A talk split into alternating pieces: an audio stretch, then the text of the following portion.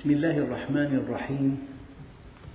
الحمد لله رب العالمين والصلاة والسلام على سيدنا محمد وعلى آل بيته الطيبين الطاهرين وعلى صحابته الغر الميامين أمناء دعوته وقادة ألويته وارض عنا وعنهم يا رب العالمين. اللهم أخرجنا من ظلمات الجهل والوهم إلى أنوار المعرفة والعلم ومن وحول الشهوات إلى جنات القربات. أيها الإخوة الكرام مع الدرس الخامس عشر من دروس سورة التوبة ومع الآية السادسة عشرة وهي قوله تعالى أم حسبتم أن تتركوا ولما يعلم الله الذين جاهدوا منكم ولم يتخذوا من دون الله ولا رسوله ولا المؤمنين وليجا والله خبير بما تعملون. أيها الإخوة الكرام حقيقة هذه الدنيا أنها دار ابتلاء لا دار استواء ومنزل ترح لا منزل فرح. فمن عرفها لم يفرح لرخاء ولم يحزن لشقاء قد جعلها الله دار بلوى وجعل الآخرة دار عقبة فجعل بلاء الدنيا لعطاء الآخرة سببا وجعل عطاء الآخرة من بلوى الدنيا عوضا. فيأخذ ليعطي ويبتلي ليجزي.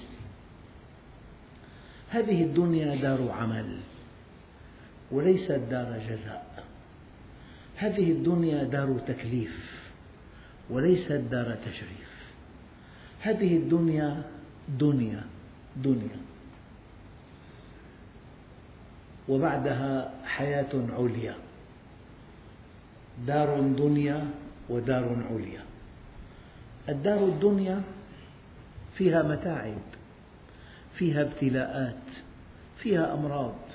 فيها هموم فيها أحزان فيها موت فيها مرض فيها فقر فيها قهر.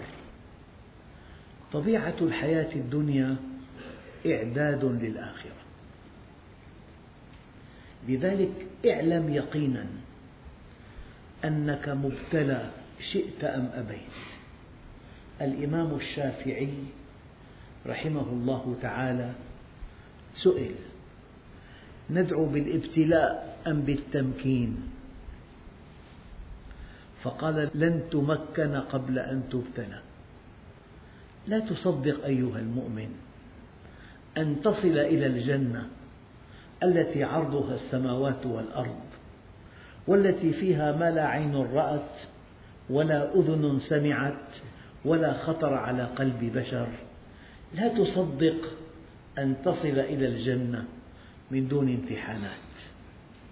والدليل إنا كنا مبتلين. الأصل في الدنيا أنها دار ابتلاء. ولنبلونكم بشيء من الخوف والجوع ونقص من الأموال والأنفس والثمرات.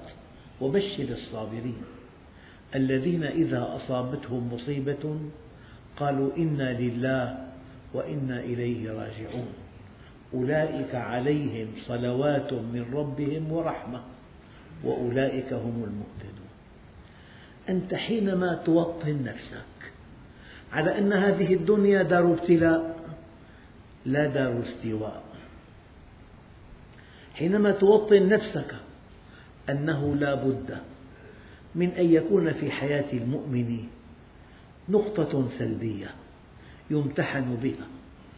يعني بشكل أو بآخر المؤمن إن خالف منهج الله أمامه تأديب وإن استقام على أمر الله أمامه ابتلاء. فلا بد من أن تكون حياة المؤمن منطوية على ابتلاء وتأديب وإكرام. والأرجح أن حياته تستقر على الإكرام. لا بد من مرحلة يؤدب فيها إذا خالف منهج الله. ولا بد من مرحلة يمتحن فيها إذا استقام على أمر الله. ثم تأتي مرحلة التكريم. وهذه المراحل الثلاث إما أن تكون متداخلة أو أن تكون متمايزة. لذلك لما الطالب يوطن نفسه على أن العام الدراسي عام جهد كبير وعام سهر طويل وعام قراءة متأنية وعام بعد عن كل حظوظ الدنيا من أجل أن ينال شهادة عليا يتيه بها على الآخرين عندئذ ينجح. لا توطن نفسك أبدا على أن الدنيا دار استمتاع دار استرخاء. دار نعيم دار سرور. المؤمن يسر ويسعد وينعمه الله لكن هدفه طاعة الله. تأتي السلبيات والإيجابيات. يأتي الإكرام والتأديب. يأتي الامتحان والتكريم.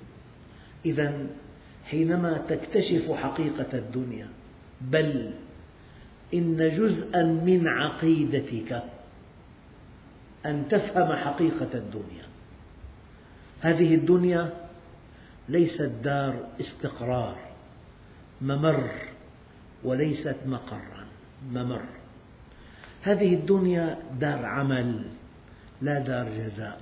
هذه الدنيا دار تكليف لا دار تشريف. الدنيا نخرج منها أما الجنة وما هم منها بمخرجين. بطولتك أن تفهم حقيقة الدنيا. إن فهمت حقيقة الدنيا تستقبل متاعبها بالرضا. تستقبل مصائبها بالشكر. تستقبل جهدها الكبير بالرضا. أيها الإخوة الآية الكريمة أم حسبتم أن تتركوا؟ يعني ممكن تدخل لجامعة تنتسب لجامعة تدفع أقساط لا في فحص ولا في دوام ولا في متابعة وبعد أربع سنوات تمنح ليسانس بدون امتحان. في بالأرض جامعة تفعل هذا. في بالأرض كلها جامعة تعطي شهادة من دون امتحان. مستحيل. إنا كنا مبتلين إنا كنا ممتحنين. اعتقد يقينا وهذا جزء من آثار النبي عليه الصلاة والسلام. أعيد النص على مسامعكم مرة ثانية. إن هذه الدنيا دار التواء لا دار استواء. لا تستقيم لإنسان صحة جيدة الدخل قليل. الدخل كبير في آفة بالجسم مرض. ما في مرض وفي دخل كبير الزوجة سيئة. زوجة جيدة أولاد غير أبرار. أولاد جيدين الدخل قليل.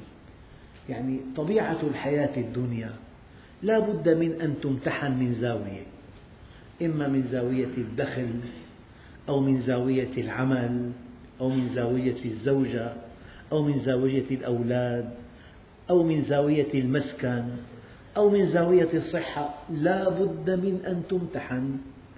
أعيد على مسامعكم قول الإمام الشافعي رحمه الله تعالى حينما سئل ندعو الله بالابتلاء أم بالتمكين؟ فقال لن تمكن قبل أن تبتلى وهذه الآية تؤكد هذه الحقيقة.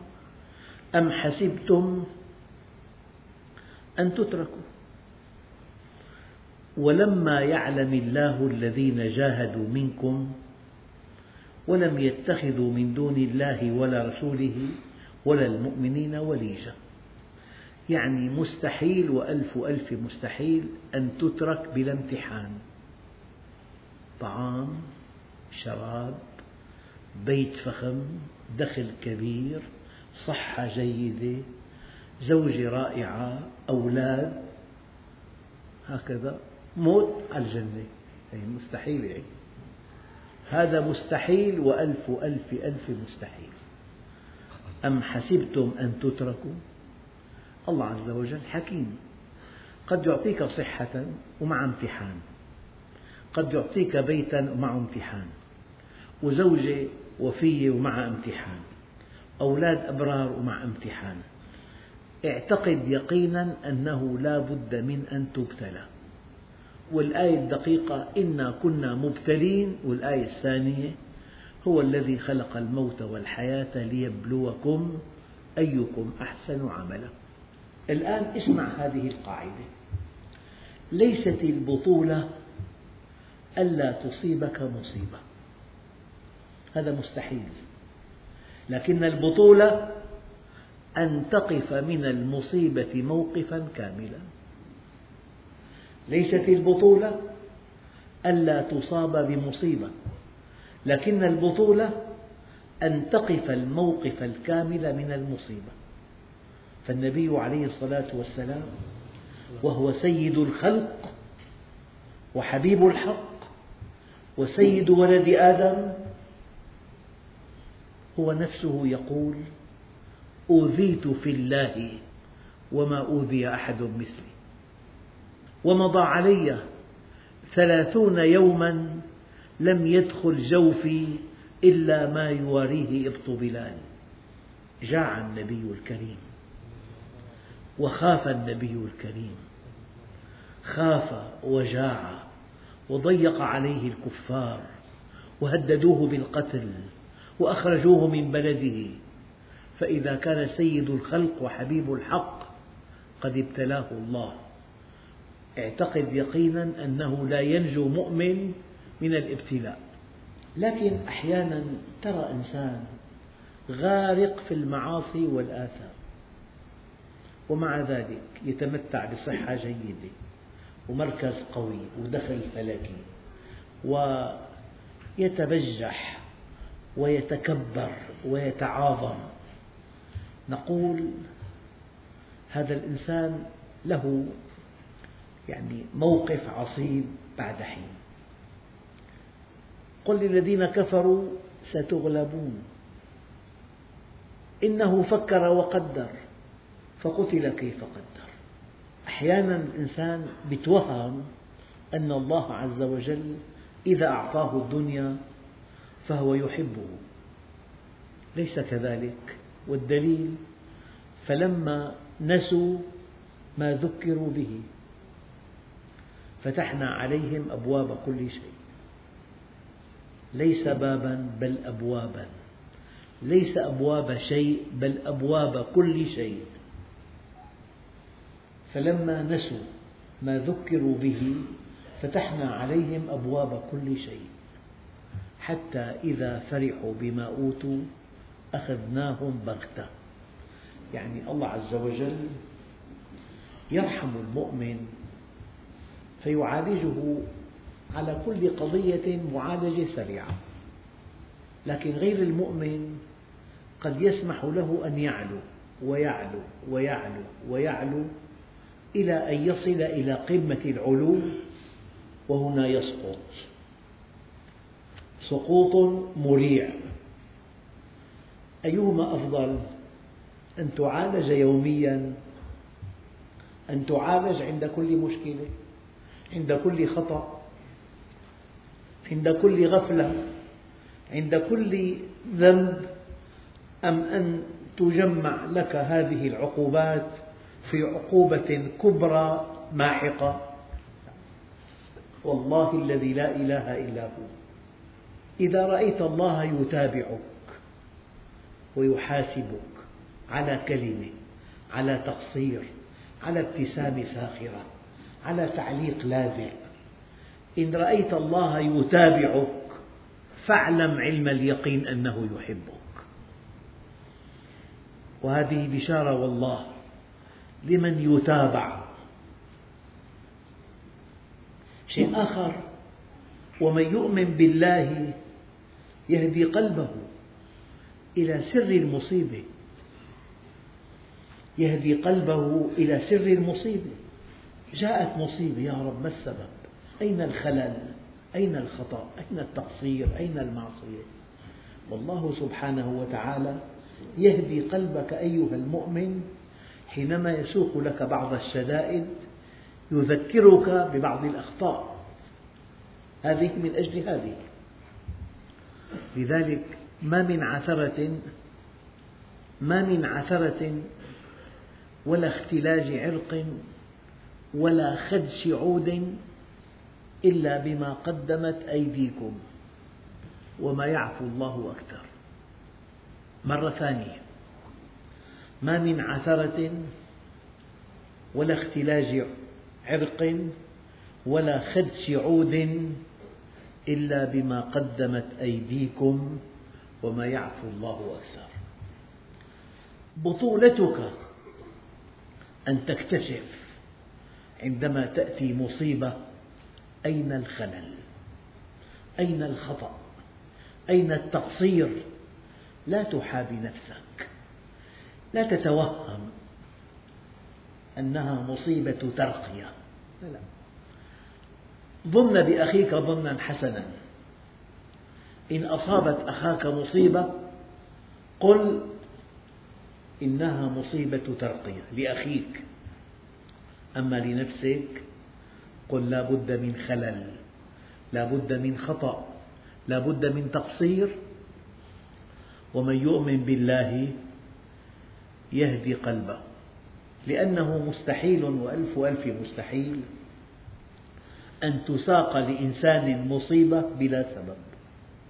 والدليل ما يفعل الله بعذابكم إن شكرتم وآمنتم وكان الله شاكرا عليما. أم حسبتم أن تتركوا؟ ولما يعلم الله الذين جاهدوا منكم يعني الله عز وجل حكيم يضعك في ظرف تكشف على حقيقتك. ظرف. وكلما استطعت أن تخدع الناس تولى الله كشف الحقيقة. لذلك قيل في بعض الأمثال الأجنبية بإمكانك أن تخدع معظم الناس لبعض الوقت. وبإمكانك أن تخدع بعض الناس لكل الوقت. أما أن تخدع كل الناس لكل الوقت هذا مستحيل. بل أضيف على ذلك. أما أن تستطيع أن تخدع نفسك أو أن تخدع ربك لثانية واحدة هذا مستحيل وألف ألف مستحيل. والدليل بل الإنسان على نفسه بصيرة ولو ألقى معاذيره. بل الإنسان على نفسه بصيرة ولو ألقى معاذيره. والإنسان يعرف نفسه معرفة يقينية.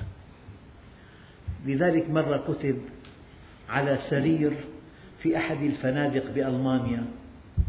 كتب على هذا السرير إن لم تنم هذه الليلة فالعلة ليست في فرشنا إنها وثيرة لكن العلة في ذنوبك إنها كثيرة. وفي فطرة والفطرة حاسب. قال تعالى فأقم وجهك للدين حنيفا فطرة الله التي فطر الناس عليها. فأقم وجهك للدين حنيفا فطرة الله التي فطر الناس عليها لا تبديل لخلق الله. أيها الإخوة كلفك الله أن تجاهد نفسك وهواك يضعك في ظرف تعتذر تنسحب ترفض أن تشارك ترفض أن تدفع امتحنت صدق ولا أبالغ أنت ممتحن كل يوم. بل ممتحن كل ساعة. سألك سائل طلب منك لقاء. اعتذرت. مشغول وأنت لست كذلك. امتحنك ولم تنجح. إنا كنا مبتلين. اعتقد أنك ممتحن في كل يوم. بل في كل ساعة بل في كل موقف. دخلت للبيت. طلبت منك أمك دواء. قلت لها الصيدليات كلها مغلقة. سكتت. وتعلم أنت علم اليقين أن هناك صيدليات مناوبة. هي سكتت. امتحنت فلم تنجح. أيها الإخوة أنت حينما تعلم أن الله يمتحنك دائما فإذا نجحت في الامتحان تألقت وكنت قريبا من الله عز وجل. وإذا لم تنجح كان عدم النجاح حجابا بينك وبين الله. أم حسبتم أن تتركوا؟ ولما يعلم الله الذين جاهدوا منكم؟ طبعا هنا يعلم الله عز وجل عنده علم كشف وعنده علم حصول. لكن علم الكشف لا يعد أصلا في المحاسبة. أما علم الحصول يعد أصلا. يعني مثلا طالب كسول جدا ما كتب ولا وظيفة وما أجاب ولا عن سؤال وكلما سئل يقول لا أعلم. هذا الطالب راسب. هل من المناسب أن المدرس يصدر قرار بترسيبه؟ من دون امتحان مستحيل. يخضع للامتحان. وحينما يقدم الأوراق بيضاء ويأخذ الأصفار عندئذ يصدر قرار بالرسوب. فهو علم الله الكشفي لا تحاسب عليه لكن تحاسب على علم الله الحصولي العلم الواقع. وضعك بامتحان وما نجحت. هذا العلم حصولي. أما الكشفي ما لك علاقة فيه أبدا. فهذا الذي امتحن لم يجاهد لم يبذل جهدا في طاعة الله. لأتفه سبب اعتذر انسحب ما شارك قال لا أستطيع وهو ليس كذلك. طلب منه قرض حسن لإنسان مؤمن صادق. اعتذر. يا ترى اعتذاره صح؟ لا يملك أم يملك ولم يقدم هذا العمل الصالح؟ فأنت لاحظ نفسك أن الله يمتحنك دائما. الآن ولما يعلم الله الذين جاهدوا منكم في إضافة ولم يتخذوا من دون الله ولا رسوله ولا المؤمنين وليجة مدخل. يعني عفوا المؤمن قد يلجأ إلى مؤمن ما في شيء وضع طبيعي. المؤمن قد يلجأ إلى رسول الله وضع طبيعي. قد يلجأ إلى الله وضع طبيعي. أما أن يلجأ إلى كافر ليظهر أمامه ضعيف ويتذلل أمامه من جلس إلى غني أو قوي فتضعضع له ذهب ثلثا دينه. من جلس إلى غني أو قوي فتضعضع له ذهب ثلثا دينه. أم حسبتم أن تتركوا؟ ولما يعلم الله الذين جاهدوا منكم ولم يتخذوا من دون الله ولا رسوله ولا المؤمنين وليجا المؤمن يتخذ من الله ومن الرسول ومن المؤمنين وليجا يعني يسأل القرآن عن هذا الموقف أدخل القرآن في حياته يسأل السنة النبوية ما حكم وضعي. يعني أدخل دخل في السنة دخل في القرآن دخل سأل عالم الدخل مشبوه أم صحيح؟ يعني دخل على مؤمن أو دخل على السنة أو دخل على القرآن. ليطمئن. اعتقد أن القرآن والسنة والمؤمنين هؤلاء مراجع له. فرجع إليهم. وليجة أي مدخل دخل عليهم. ليسألهم. ليطمئن على وضعه. على دخله على بيته على ماله. لذلك علامة المؤمن أنه يستفتي يسأل. أما ضعاف المؤمنين أو غير المؤمنين يلجؤون للكفار. لذلك قالوا من شكا إلى مؤمن فكأنما اشتكى إلى الله ومن اشتكى إلى كافر فكأنما اشتكى على الله. الكافر يشمت الكافر يدعوك لمعصية. يدعوك لقرض ربوي. يدعوك لإلغاء عمل صالح. فالمؤمن لا يلجأ ولا يسأل ولا يستفتي إلا مؤمن. مؤمن يخاف الله. وقد يستفتي رسول الله من خلال سنته. وقد يستفتي ربه من خلال قرآنه. يرجع إلى القرآن وإلى السنة وإلى من يثق من العلماء.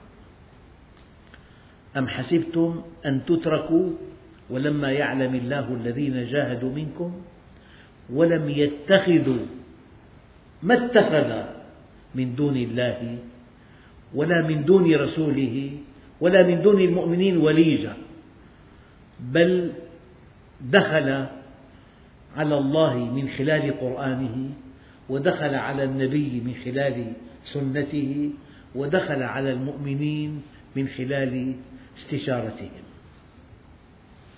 والله خبير بما تعملون.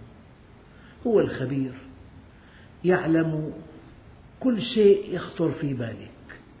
لا تخفى عليه خافية. يعلم خائنة الأعين. وما تخفي الصدور. يعني للتقريب طبيب يفحص مريضا. سمح الشرع له أن ينظر إلى مكان المرض لكن اختلس نظرة إلى مكان آخر. من يكشفه؟ ليس على وجه الأرض كلها. ليس على وجه الأرض كلها. جهة تستطيع أن تكتشف خائنة العين. قال تعالى يعلم خائنة الأعين وما تخفي الصدور. والله خبير بما تعملون خبير بعملك. ما البواعث؟ ما الدوافع؟ ما الحيثيات؟ ما الظروف؟ ما الأهداف؟ ما الطموحات؟ والله عز وجل هو الخبير بما تعمل وكفى بربك بذنوب عباده خبيرا بصيرا. قد تقول كلام أحلى من العسل وأنت موقفك من هذا الذي تقول له هذا الكلام ليس كما تقول. تتخذ هذا الموقف أسلوب كي تصل لهدفك. من يعلم ذلك؟ الله عز وجل. يعني مرة واحد عنده آلاف الدنومات فأقنعه شخص قال له إذا قدمت لجامع خمس دنومات مثلا تضطر البلدية أن تفرز أرضك إلى محاضر. فإذا فرزت إلى محاضر ارتفع ثمن الأرض عشر أضعاف. فهو قدم خمس دنومات لمسجد هو عند الناس محسن كبير ما شاء الله. قدم خمس دنومات لمسجد بنية أن تضطر البلدية إلى تقسيم أرضه المشاع إلى محاضر. فلما قسمت إلى محاضر ارتفع سعرها أضعافا مضاعفة. فهو عند الناس كلها محسن. أما عند الله ليس بمحسن. منتفع. فالله عز وجل يعلم خائنة الأعين وما تخفي الصدور. ولاحظ الملاحظة أن كل كلمة تقولها وكل حركة تتحركها وكل سلام تطرحه على الآخر. يعلم الله حقيقته يعلم بواعثه يعلم مقاصده يعلم مؤداه. لذلك يعلم خائنة الأعين وما تخفي الصدور. والإنسان حينما يوقن أن الله مطلع عليه يتأدب مع الله. بل إن أفضل أنواع الإيمان أن تعلم أن الله معك يسمعك. أفضل أنواع الإيمان أن تعلم أن الله يعلم. في بعض الآيات في معرض الحديث عن الحج لتعلموا أن الله يعلم. إذا علمت أن الله يعلم استقمت على أمره. والله خبير بما تعملون. العمل حجمه بواعثه العقبات الصوارف الحيثيات المؤدى كم كلفك هذا العمل؟ كم ضحيت من أجله؟ كل هذه الحيثيات يعلمها الله عز وجل لأنه خبير بما نعمل. بالمناسبة العمل لا يقبل عند الله إلا لشرطين إلا إذا كان خالصا وكان صوابا. خالصا ما ابتغي به وجه الله وصوابا ما وافق السنة. شرطان أساسيان. في تفسير قوله تعالى وأن أعمل صالحا ترضاه العمل الذي يرضي الله ينبغي أن يكون صوابا وفق السنة. بدك يا نصيب خيري.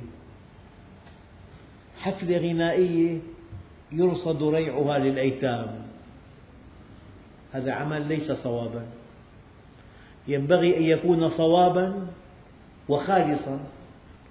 خالص ما ابتغي به وجه الله وصوابا ما وافق السنة. هذا العمل الذي يقبله الله عز وجل. أيها الإخوة والله خبير بما تعملون. لذلك الإخلاص ينفع معه كثير العمل وقليله. ومن دون إخلاص لا ينفع لا كثير العمل ولا قليله. العمل من دون إخلاص لا قيمة له.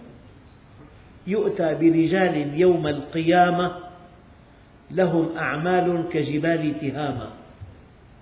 يجعلها الله هباء منثورا. قيل يا رسول الله جلهم لنا. قال إنهم يصلون كما تصلون ويأخذون من الليل كما تأخذون ولكنهم إذا خلوا بمحارم الله انتهكوها إذا خلوا بمحارم الله انتهكوها لذلك من لم يكن له ورع يصده عن معصية الله إذا خلا لم يعبأ الله بشيء من عمله. من لم يكن له ورع يصده عن معصية الله إذا خلا لم يعبأ الله بشيء من عمله. بالمناسبة أيها الإخوة الإنسان خارج بيته يلبس ثياب جميلة ويبتسم ويتأنق ويتعطر. كله من أجل مكانته. لكن أخلاقه الحقيقية متى تظهر؟ في البيت. لا رقيب ولا حسيب. أخلاقه الحقيقية تظهر في البيت. من هنا قال عليه الصلاة والسلام خيركم خيركم لأهله وأنا خيركم لأهلي. الأخلاق الحقيقية التي ينبغي أن تكون عليها تكون في البيت. أيها الإخوة إذا والله خبير بما تعملون. فالإنسان أحيانا خارج البيت بهمه مكانته بهمه مظهره بهمه ثناء الناس عنه. فإذا تأنق وتجمل وتواضع وابتسم هذه من أجل مكانته. لكن متى تظهر أخلاقه على حقيقتها؟ في البيت. ما في رقيب ولا حسيب. لذلك قال عليه الصلاة والسلام خيركم خيركم لأهله وأنا خيركم لأهلي.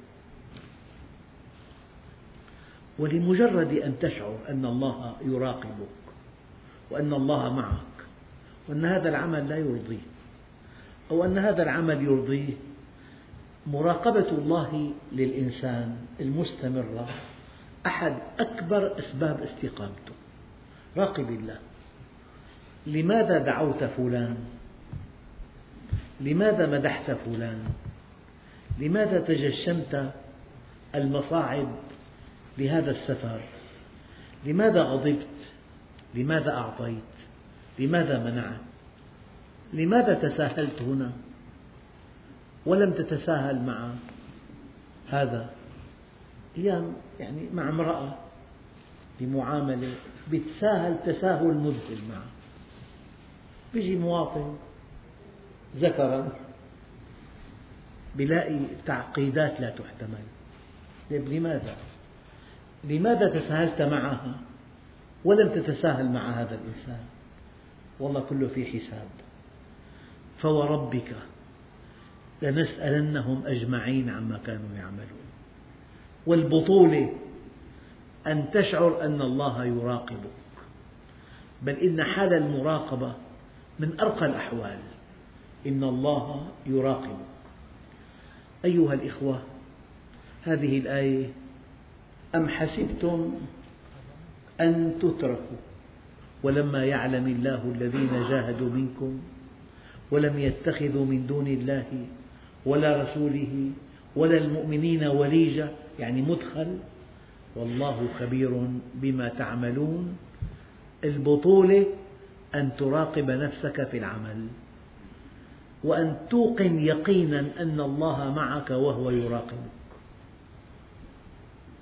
والله عز وجل يقول إن الله كان عليكم رقيبا. والحمد لله رب العالمين. بسم الله الرحمن الرحيم. الحمد لله رب العالمين. والصلاة والسلام على سيدنا محمد الصادق الوعد الأمين. اللهم أعطنا ولا تحرمنا أكرمنا ولا تهنا آثرنا ولا تؤثر علينا أرضنا وارض عنا. وصلى الله على سيدنا محمد النبي الأمي وعلى آله وصحبه وسلم. والحمد لله رب العالمين الفاتحة